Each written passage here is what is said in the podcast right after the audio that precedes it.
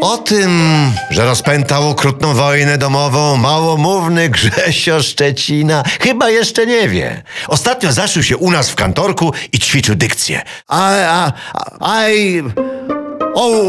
a, aj, aj, o. Grzesiu, to sympatyczny chłopak, ale ma pewien problem. Otóż słabo go słychać. Ludzie Grzesia nie rozumieją. Właśnie dlatego musiał się zamknąć i ćwiczyć. W czasie suszy król Karol kupił królowej stół z powyłamywanymi nogami.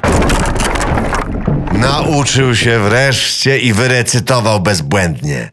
Teraz wybiera się w Polskę.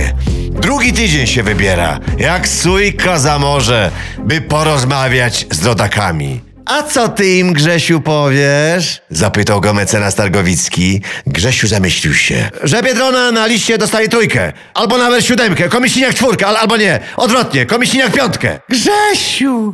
Zdenerwował się redaktor zdrada. Ludzi twoje listy nie interesują. Musisz im coś obiecać. Coś, co przebije 500 plus. Świetny pomysł, zapalił się Grzesiu. Obiecam 600, albo nie, 550. Oj, Grzesiu, Grzesiu, od siebie coś wymyśl, zaproponuj.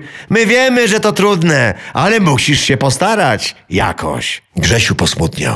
I tak, kiedy jedni mając 500 plus mogą sobie robić psi psi na wydmach, Grzesiu musi się męczyć i wymyślać akurat w wakacje.